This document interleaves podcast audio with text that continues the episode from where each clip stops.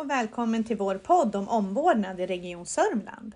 Vi ska ha god och säker vård överallt och alltid och därför är du viktig.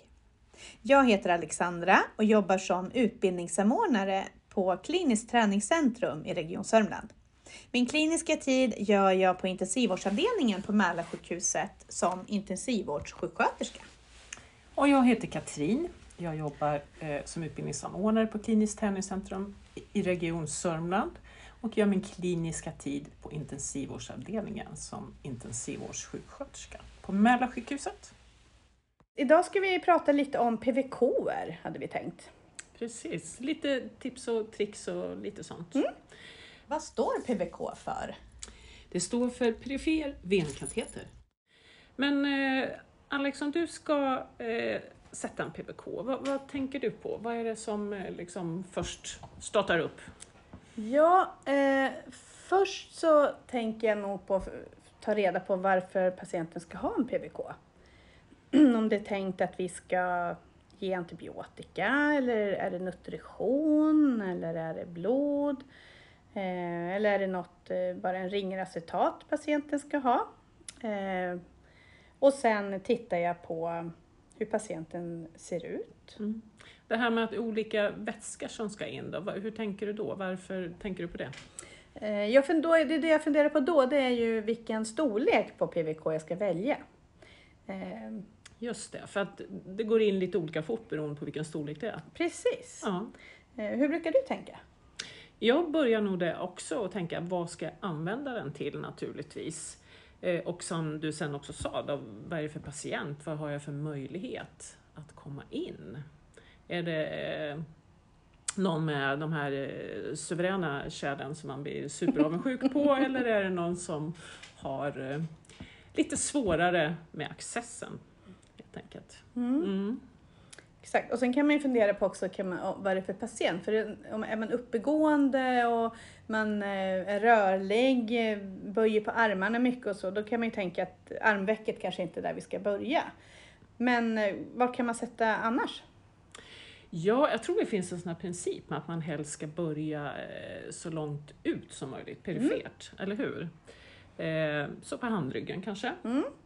Tycker jag brukar vara bra att titta. Mm. Eh, och sen gå uppåt ja. i så fall. Och hur gör du då? då? Ta, kollar du bara vad du ser eller går du efter vad du känner? Vad tycker du är bäst? Vet du, jag, jag tror att man gör både och faktiskt. Ja. Men framförallt tänker jag att det ska vara en varm hand. Mm. För en kallfrusen hand och då ser vi inga kärl överhuvudtaget. Nej, precis. Och de flesta, många gamla är ju ganska kalla. Vad, har vi, vad brukar du göra då? då? Eh, jag har använt mig av eh, värmedyna. Mm -hmm. mm. Finns det något speciella då eller går det att värma något mikron? Eller? Det finns speciella. Ja. Eh, det är sådana här som man kan bryta och mm. sen finns det ju också som man kan värma i mikron. Mm. Och det finns ju den enkla varianten att man tar en handske med lite varmvatten i helt ja. enkelt och lägger runt omkring. Så att det finns olika ja. metoder. Har du mm. någon annan sån där teknik som du tänker på? Nej, inte just för att få fram kärlen.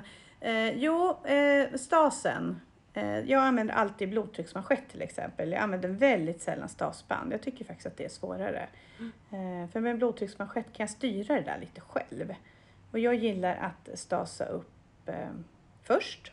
Och sen kan jag förbereda lite andra grejer och prata med patienten och titta lite och sådär tills kärlen har fyllt upp sig. Och när jag hittar det kärlet som jag vill sticka i, då stasar jag av ganska mycket för jag vill inte att kärlet ska spricka. Då tycker jag att det är lättare faktiskt.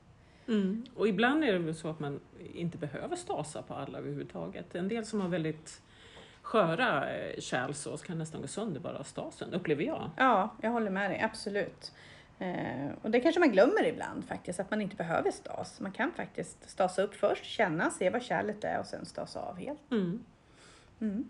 Jag hörde något tips någon gång också, så att eh, är man osäker och tycker det är svårt att se så kan man kanske markera med en mm. penna att kärlet ligger någonstans. Det är en jättebra mm. grej. Man kan också hålla i kärlet. Om mm. det är ett rullande, att man sätter fingret på det så att man håller fast det lite grann när man sticker. Mm. kan man också testa. Eh, men ibland går det ju inte i alla fall. Nej, Nej, alltså det är ju så. Och man kan ju ha lite så här dåliga och bra dagar kan Precis. jag tänka. Alltså ibland kan det ju gå hur lång tid som helst om man bara sätter allting och sen är det bara tvärstopp. Ja. Ja. Vad brukar du göra då? Eh, nu för tiden så tänker jag nog att jag ber om hjälp Ja. helt enkelt. Hellre det än att man sticker sönder en massa kärl så Ja. att det inte finns någonting kvar. Ehm, men det kanske var lite annorlunda i början när man var ny syrra. Då, Mm. då, jag tror att det var mycket mer jobbigt att erkänna då att man inte fick in den. Ja. ja, jag kommer ihåg, gud det var ju värsta, jag, jag, men jag kommer ihåg att man kände sig, man kände sig usel. Det var precis som att all, allt, hela sjuksköterskerollen sitter i den här lilla PVKn. Och får jag in den eller inte? Får jag inte in den? Nej, men då var jag, kände jag mig nog inte riktigt som en eh, kompetent sjuksköterska. För sticka ska man ju kunna göra bara. Mm. Och jag, det vet jag att jag har hört flera som säger. Ja. Att man, alltså man var så fokuserad Mm. på den där VKn.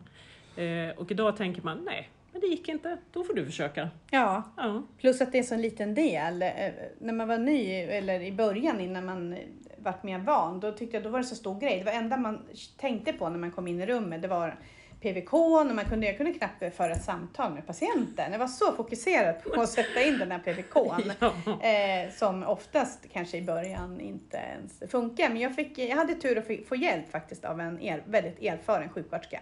Hur hjälpte hon dig då? Ja, hon tog helt enkelt in mig på ett rum till en patient och sa nu ska jag titta hur du gör när du sätter den här Uff. PVKn. Ja, det var med lite vet, så här blöt i handskarna som man Mm. blir. Ja, Nervös? precis. Men eh, hon såg vad jag gjorde fel och kunde säga att eh, det här var att jag skulle drog ut mandrängen lite för snabbt.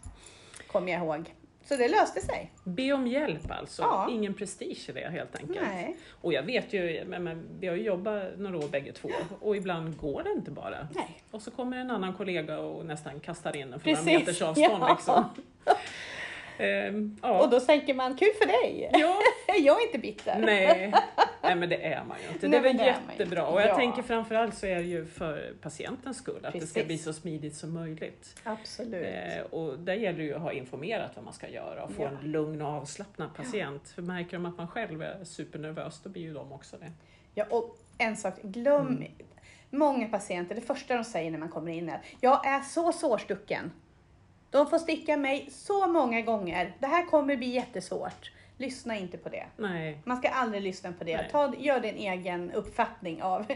hur det är. För det kanske var svårt i förrgår eller av någon annan. Det är, strunta i det bara. Ja, absolut.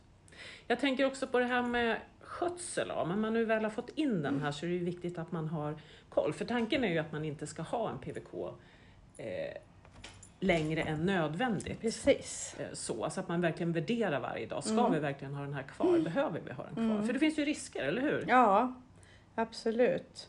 Eh, Och för att undvika det då så ska, är det ju viktigt att man, att man observerar den här infarten varje dag. Att man verkligen tittar genom tejpen och ser hur ser det ut. Är det rött eller svullet eller rodnat eller läcker det mycket? Och sitter förbandet fast framför allt? Ibland lossar ju de här tejperna.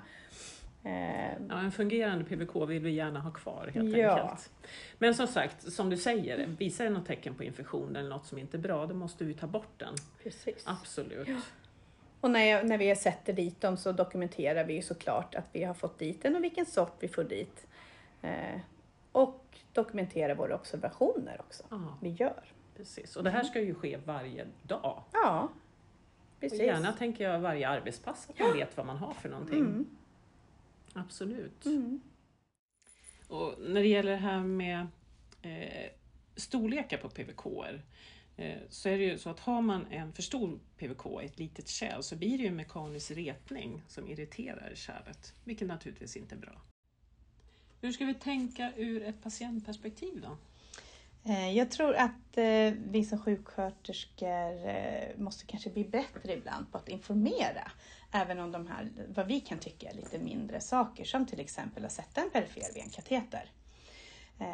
Att vi kan bli bättre på att berätta dels vad det är, att man kanske visar att den här själva kanylen inte sitter kvar i armen utan att det är bara pla- plaströret kvar. För det är många som tror. Precis, det är många som tror. Och det kan också vara bra att informera patienten om vad de ska hålla koll på. Om förbandet börjar lossa eller om det gör ont eller eh, så, så att de gör oss uppmärksamma på det. De ska vara delaktiga. Precis. Och vill man veta mer om PVK eller glömmer bort hur länge de får sitta eller hur det ska skötas om och läggas om och så, då går vi naturligtvis till Vårdenboken. Ja. Yes. Mm. Bra! Okej, och vet du vad? Nej. På KTC, på alla våra sjukhus, så finns Ja. det sådana här venarmar som man kan träna på. Precis. Om man känner att man vill träna på handhavandet Mm. så finns det möjlighet att boka venarmar och testa, öva. Mm. Det är bra. Perfekt. Ni är välkomna. Ja, det är ni. Ja, hade vi något mer vi skulle säga om PVK?